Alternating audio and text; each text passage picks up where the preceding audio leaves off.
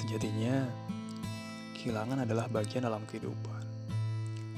Akan selalu saja menghampiri, sulit untuk ditolak. Meski kehilangan menyisakan rasa sakit, perih dan luka begitu mendalam. Apalagi jika kehilangan orang yang dicintai. Perpisahan itu menyisakan dalam lubang dada. Hingga kadangkala terbangun pada malam hari dengan ketidaktahuan seakan salah satu bagian dari diri telah hilang. Terkadang ketika mencintai seseorang terlena untuk begitu mendalam lupa untuk mencintai diri sendiri hingga membuat ketergantungan begitu kuat.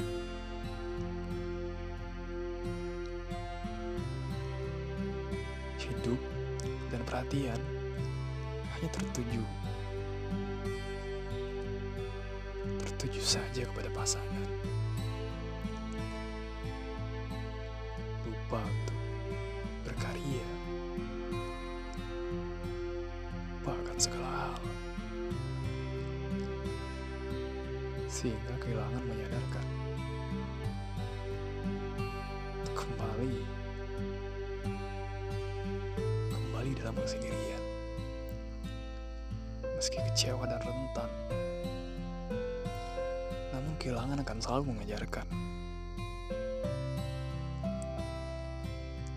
Mengajarkan untuk kembali berjuang pada langkah kaki sendiri. Tidaknya,